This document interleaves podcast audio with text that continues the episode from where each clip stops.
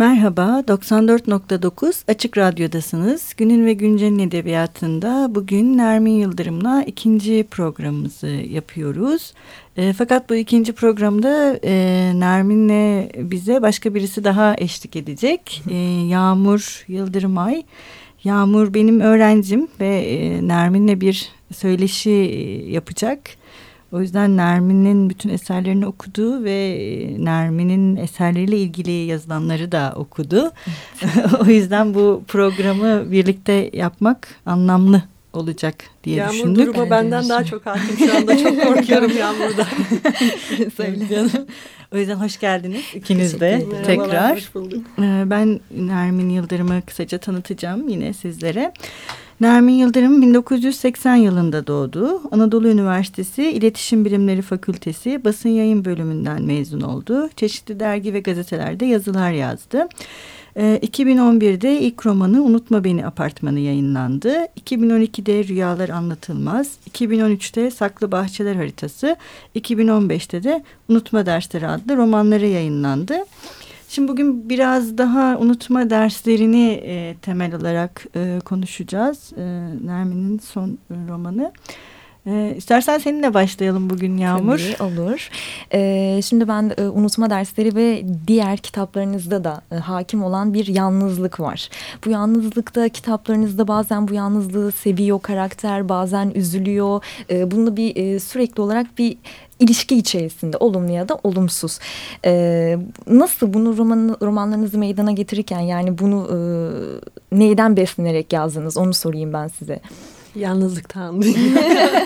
Yok evet. ya e, bence yalnızlıkla çok arızalı bir ilişki genel olarak kuruyoruz. Çünkü onun korkunç bir şey olduğuna inandırılmış vaziyetteyiz. E, zaman geçirilmesi ve böyle birileriyle e, ne idüğü de belirsiz zaman zaman bir şeylerle geçirilmesi gereken bir şeymiş gibi sunuluyor bize. Halbuki çok kıymetli bir şey. Yani e, hayat sonsuz değil. Dolayısıyla e, onu nasıl geçirdiğiniz, zamanınızı nasıl değerlendirdiğiniz çok önemli. Ve genellikle e, hani kendiniz için hayırlı şeyler yapmak Hı -hı. istiyorsanız insanlardan kaçın gibi bir şey Hı -hı. söylemiyorum ama biraz da yalnız kalmanız gerekir. Mesela okumak yalnız yapılacak bir eylem. İşte evet. film izlemek de yani yanınızda birileri de olsa aslında e, ona kapanarak yaptığınız bir şey. Hı -hı. Dolayısıyla bu anlamda yalnızlık korkunç bir şey değil. Yani benim kahramanlarımın bir kısmı e, zaman zaman yalnız kalmak için özel çaba harcayıp evet. e, evet, toplumsal evet. olarak çok da kabul görmeyen yöntemlerle mesela evet. işte evlenmeyerek mesela çok dost edinmeyerek falan zaman zaman Hı -hı. Yalnızlığını yücelten kahramanlar. Bir evet. kısmı da e, bu yalnızlık seçilmediği vakit yani ona mecbur Hı. edildikleri vakit elbette biz sosyal varlıklarız. Başkalarının varlığıyla aslında kendi varlığımızı da biraz tanımlayan varlıklarız. Hı hı. Yalnızlığı bu biçimde yaşadıkları zaman da kederlenen, hı hı. E, bundan üzüntü duyan e, kahramanlar. Peki bu e, unutma derslerinden yola çıkacağım. Buradaki kahramanımız e, MİM'de, hı hı. Mazi İmha Merkezi'nde gidip e, sorunlarını çözmeye çalışıyor. Bu noktada yalnızlıktan korktuğu için mi bunu yapıyor? E, yoksa bir iç sıkıntısı için mi acaba? Ne, ne için bu e, merkezi kullanıyor? E, hafızasından korktuğu için aslında bunu yapıyor. Hatırlayacaklarından. Ama hatırlamak da yalnız yapılacak bir iş nihayetinde. Çünkü insanların bizi oyalamasını aslında kafamız yani dışarıdaki sesleri duymayı kafamızın içindeki seslere maruz kalmamak için isteriz. Velhasıl isabetli bir soru oldu. Yani ben yalnızlık mezunu düşünmemiştim yazarken ama evet hatırlamak da yalnızlıkla ilintili bir şey. En derinde belki de bu. Evet doğru. Ee, bu Tabii. Şimdi ben tam noktada bu noktada şeyi sormak istiyorum. Şimdi hafızasından kurtulmak istemesi ve kendine dair bir şeyi unutmak istemesi de.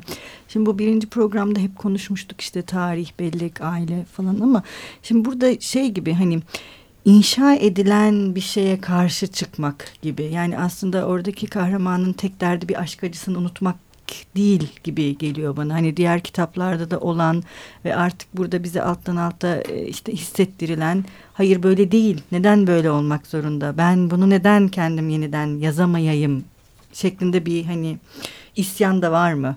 Evet yani aslında tam da böyle bir şey. Çünkü belki de e, yani roman aşk acısı çeken bir kahramanın acısını e, acısından kurtulmak için hatıralarını unutmaya çalışması üzerinden yürüyen bir roman da olsa belki de bu romanı en az anlatan şey aşk. Hı hı. Çünkü aslında e, nasıl başka türlü bir hayatın mümkünatına inanıyorsak e, belki Feribe de başka türlü bir aşkın, başka türlü bir anlamanın, başka türlü insa, iki insanın ilişkilenmesinin e, ne kadar mümkün olup olmadığını anlamanın peşinde, yeni bir şey kurmanın peşinde. Çünkü genel olarak ben e, yani bütün karakterler ve özellikle kadın karakterlerle ilgili e, yaşarken de böyle bize sunulan, tanımlanmış hayatların dışına çıkma arzusu duyduğumuzu düşünüyorum. En azından duymamız gerektiğini düşünüyorum. Evet, e, Feribe'de de bu var. Yani bir kadından ne bekleniyorsa ya da işte ilk romandaki Süreyya'da daha çok var belki.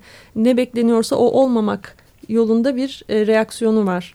Evet, evet. Ee, yani bir aşk aşk acısından kaçmasının tek sebebi acı çekmesi değil. Bunu kendisine yakıştıramaması. Çünkü e, bunu da aşkı kötülediği için ya da Hı. olumsuzladığı için değil. Bu tanımlanmış hikayenin içinde bir kadına düşen acı çeken aşık rolünden muzdarip olması aslında. Ve şey güzel bir şey mesela mazi imha merkezine gittikten sonra işte ona diyorlar ya arayabilirsiniz telefonla ve hı hı. hep bir kadın çıkıyor. Evet. Yani o hep bir kadınla konuşuyor evet. ve aslında bir kadın arkadaşı yok yani e, Feribe'nin o kadın yani hiç sesini duymasa da onunla arkadaş oluyorlar. Hani bir şeyi hani bu, bu ne, ne diyeyim bir şey bir şey karşısında birlikte baş etmek, baş edebilmek. Hani bu bir kadın dayanışmasının farkındalığına varmak hikayesi de önemli geldi açıkçası kitapta bana. Bilmiyorum sen ne düşünüyorsun evet, evet, Yağmur? kesinlikle ben de e, bu konuda böyle düşünüyorum. Ben e, bu kitapta e, şeyi de fark ettim. E, işte kocasını e, aldatması vesilesiyle hani toplumumuzda e, tam tersi bir durum hakimdir ya hep erkek yaptığı zaman olumlu karşılığında ama kadın yaptığı zaman daha farklıdır. Bunun üzerine gitmeniz de benim hoşuma gitti açıkçası.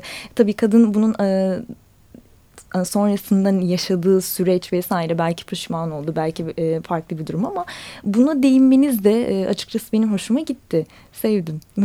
yani şey olsun istedim biraz e, mesela e, Feribe'nin e, psikolojisi e, bu aldatma mevzuyla ilgili olarak ve aldatmayı tanımlama biçimi romanın başında e, farklı sonunda farklı. Çünkü o da bir içsel yolculuk e, yani yaşıyor ve başında belki tanımı toplumsal tanımlara daha yakın. Ama durumu ve kendini anlamaya başladıktan sonra ilişki nedir, sadakat nedir, Hı -hı. aldatmak nedir? Bu meseleleri biraz daha kafa yoruyor evet. ve daha başka bir yerden bakmaya başlıyor. Belki Hı -hı. daha az suçluluk duymaya başlıyor. Hı -hı. Yani ben tabii işte e, büyük laflar, ahlaki çıkarsamalar falan Hı -hı. yapacak değilim şimdi yani evet. ama en azından e, pozitif ayrımcılık uyguladım Feribe'ye. Evet yani evet. madem biri aldatacak kadın aldatsın istedim bu romanda. evet. evet. Bir şeyler e, değişsin şeklinde. Bir de bu senin söylediğin içsel e, yolculuk e, hikayesi bu kitap çıktıktan sonra e, şey bir, bir takım yazılar görmüştüm ben bu işte kişisel gelişim kitapları. Maalesef ben de gördüm.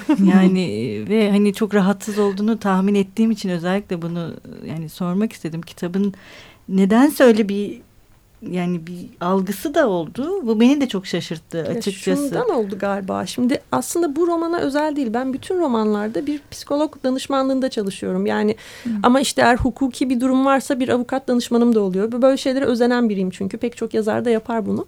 Genelde benim kahramanlarım e, bir biçimde marazlı tipler oluyor ve bir psikolojik derinlik hani onları örmeye Hı. çalışıyorum kendimce. En azından deniyorum bunu. O zaman e, Tolga Erdoğan var e, başından beri yani ilk romandan beri birlikte çalıştığım arkadaşım onunla böyle bir dirsek temasında oluyorum. Şimdi unutma derslerinde aslında e, benzer bir dertle doktora gittiğinizde muhtemelen onun edeceğiniz sohbetleri yakın sohbetler dönüyor. Çünkü biz ders aşamalarını Tolga'nın da hani eşliğinde onunla birlikte belirledik aslında.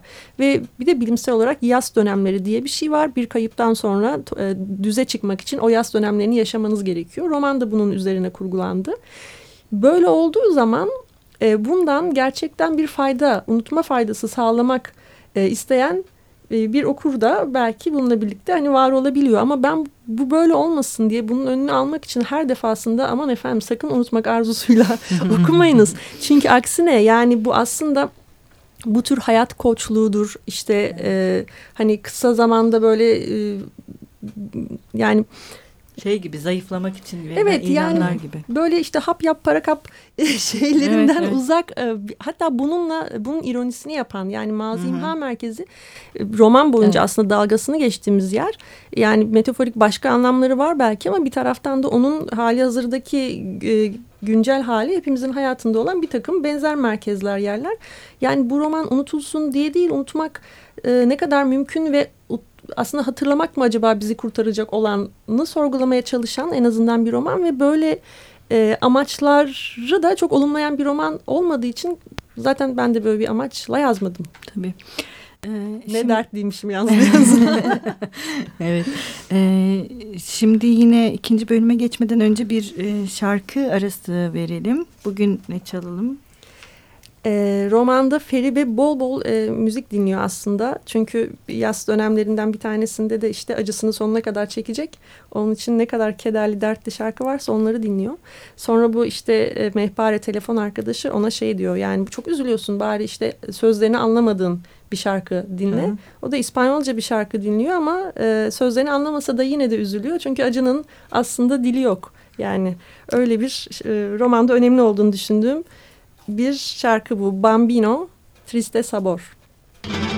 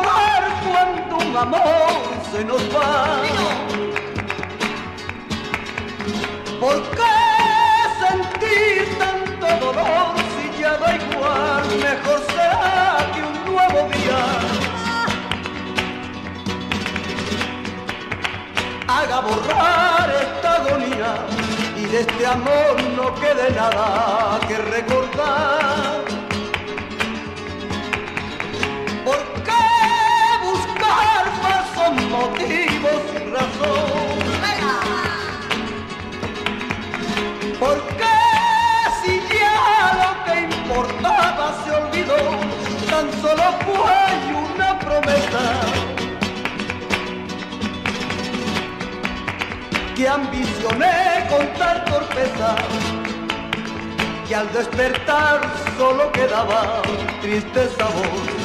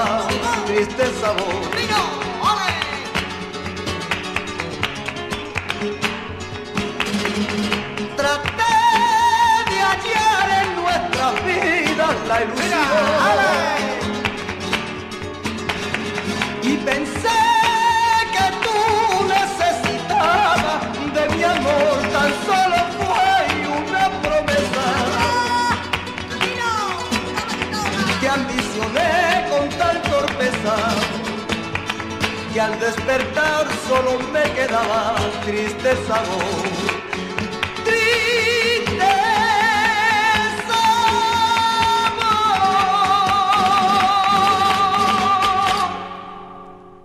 Merhaba tekrar 94.9 Açık Radyo'dasınız. Günün ve Güncel'in edebiyatında Nermin Yıldırım ve Yağmur Yıldırım'ayla birlikteyiz. Ee, yine istersen Yağmur seninle başlayalım bu Tabii. bölümde de. Ee, benim genelde tüm kitaplarınızda da e, merak ettiğim hep bir İstanbul'a dönüş var. Belki bu sizin yurt dışında yaşıyor olmanızdan da kaynaklanıyor olabilir. Hep bir İstanbul'a dönüş var ve dönen karakter İstanbul'da mutlu. Ee, bunu neye bağlayabiliriz acaba? Ne diyebiliriz? Yani işte belki de aslında geçen programda konuştuğumuz bazı insanlar geçmişte yaşar Evet. hikayesine Hı. bağlayabiliriz. O Evet. geçmişte yaşayanların hep bir dönme temayülü vardır. Hı hı. Yani insan nereye dönebilir? Çocukluğuna dönme arzusu duyabilir işte Hı hı. belli sebeplerden. Ee, işte vatanına dönme arzusu duyabilir. Benim Hı hı. gibi gurbetçilerden genellikle bu beklenir. Muhtemelen yani İstanbul bunun için var ama Hı bir hı. taraftan da çok dikkat ediyorum İstanbul'u e, çok da e, öne çıkarmamaya çünkü hı. şehir öyle güçlü bir karakter ki biraz üzerine kafa yormaya ve işte konuşmaya başlasanız Hı hı. bütün diğer karakterlerin önüne geçebilir, yiyebilir romanı Hmm. gerçekten. Yani Evet. bir baş kahraman olmaya. Hı hı. Bir Arka planda bir İstanbul'a geliniyor, Evet, gidiliyor evet. ama mümkünse fazla hani Hmm, haşır neşir karakter olunmuyor. Evet. istemiyorsun. Evet, Hmm. karakter, evet. Peki şeyle şey de konuşabilir miyiz biraz e, bu dil meselesini özellikle unutma derslerinde Hı hı. hani o yine geçen programda konuştuğumuz bir e, hani anlatının sadece tek bir hikayeye odaklanması e, meselesi gibi E, bu e, tabii kadın kahramanın kendi hatırladıklarını yeniden inşa etmesi ya da buna dair bir çabası da önemli ama buradaki dil e, Lin ben senin diğer romanlarından daha farklı bir dile sahip olduğunu düşünüyorum. Bilmiyorum Evet, sen ne evet, düşünüyorsun ben de. Yağmur? Ee, diğerlerine oranla bir defa çok dişil bir dil bu. Evet. Yani değil mi? Evet, yani o- daha Onu ben de böyle soracaktım evet. ya, ya tamam sen Yok şey tabii hocam devam edebilirsiniz. yani şey gibi böyle hani diğer kitaplarda böyle e, ayrışan bir dil var. Hani bir eril ve dişillik. Bunu çok rahat ayrıştırabiliyoruz kitaplarda. Fakat şey öyle değil unutma dersleri bence. Yani eril ve dişil seslerin aynı kadında bir arada olduğu bir e, kitap. Bu çok hoş bence. Yani bunu ayrıştırmadan aynı e, karakterin dili haline bu kadar yapmacıksız. Ben hiç yapmacık bulmadım. Bunu başka bir şekilde yani ne bileyim başka bir yerde başka bir kurgu içinde çok böyle yapmacık ve sırıtacak bir şey. Burada son derece doğal duruyor. Bunun için özel bir çaba harcadın mı? Ya da öyle olsun istedin mi? Merak ettim Yani bu bence romanın e, yaz, her romanın bir dili var ya yani Hı hı. o o dille yazılması gerekir zaten. E, romanı çağırdığı dil böyle bir dildi. Çünkü aslında her haliyle biraz bir e, bir çıldırmanın eşiğinde bir roman olduğunu düşünüyorum ben bunun. Çünkü hem benimle ilgili olarak şöyle bu vakte kadar hep çok kasvetli romanlar yazdım Hı. ve bunlar sonrasında beni de hani Kasvet. kasvetlendiren romanlardı. Ee, arada bir tiyatro oyna yazdım komedi ve hani yazarak yani yazmak beni çok mutlu ediyor. Hatta en Hı hı. mutlu eden şey ama bir taraftan da çok e, yoran da bir şey ruhumu yani e, hikayenin konusuyla ilgili olarak yazarak e, sadece mutlu olunabileceğini hani çok da böyle kasvetli bir dönem geçirilmeden de yazılabileceğini e, o tiyatro oyunuyla tecrübe ettikten sonra daha yani mizan daha güçlü olduğu bir roman yazma fikri e, gelmişti. Yani diğer romanlarda da ironi var ama o kadar güçlü değil. Dolayısıyla bir oradan e, hani dil bir biçimde kendini kurmaya başladı. Bir de şey e, zaten içinde yaşadığımız dönem siz bunu seçseniz de seçmeseniz de e, acıya kedere biraz gülerek mizahla karşı durmaya başladığımız bir dönem.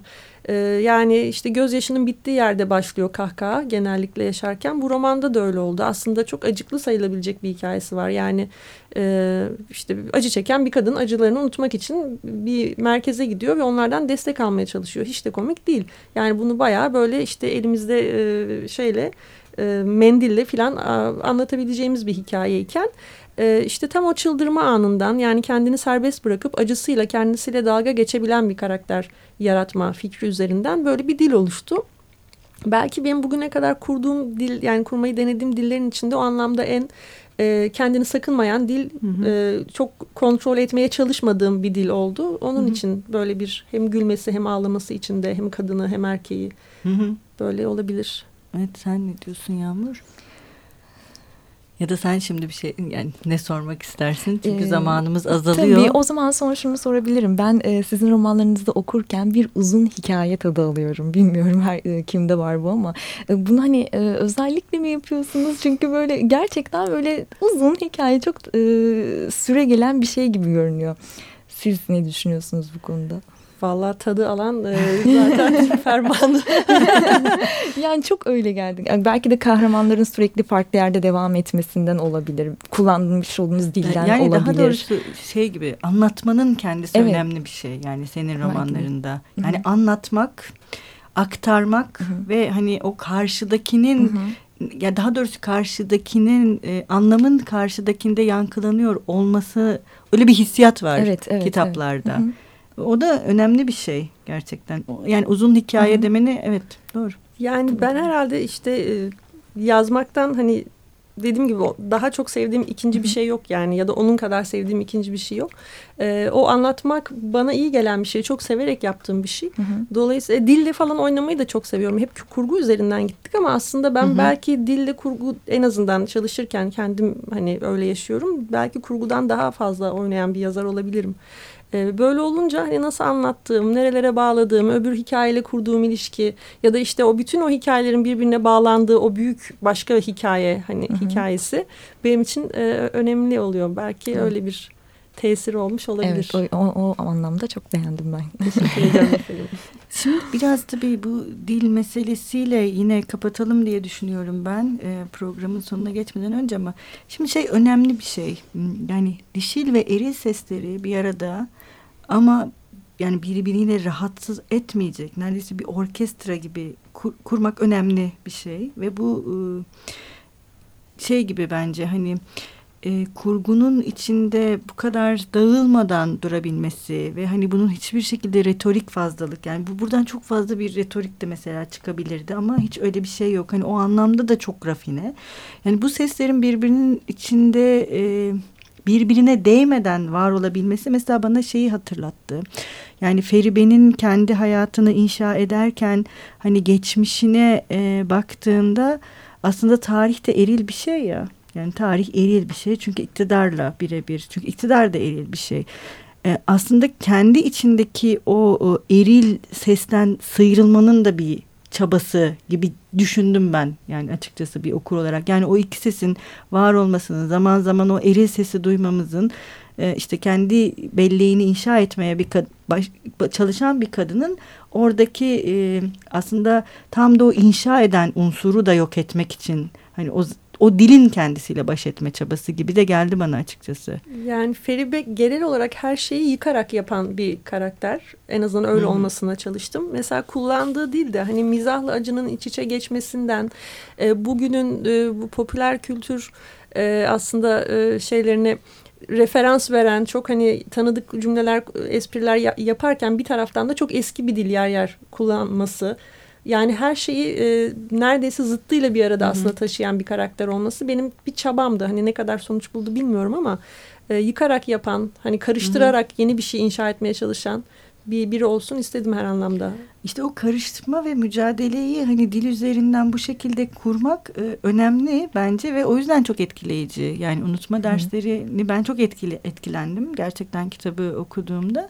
Yani Yağmur'la da konuşmuştuk o da evet. çok etkilendi.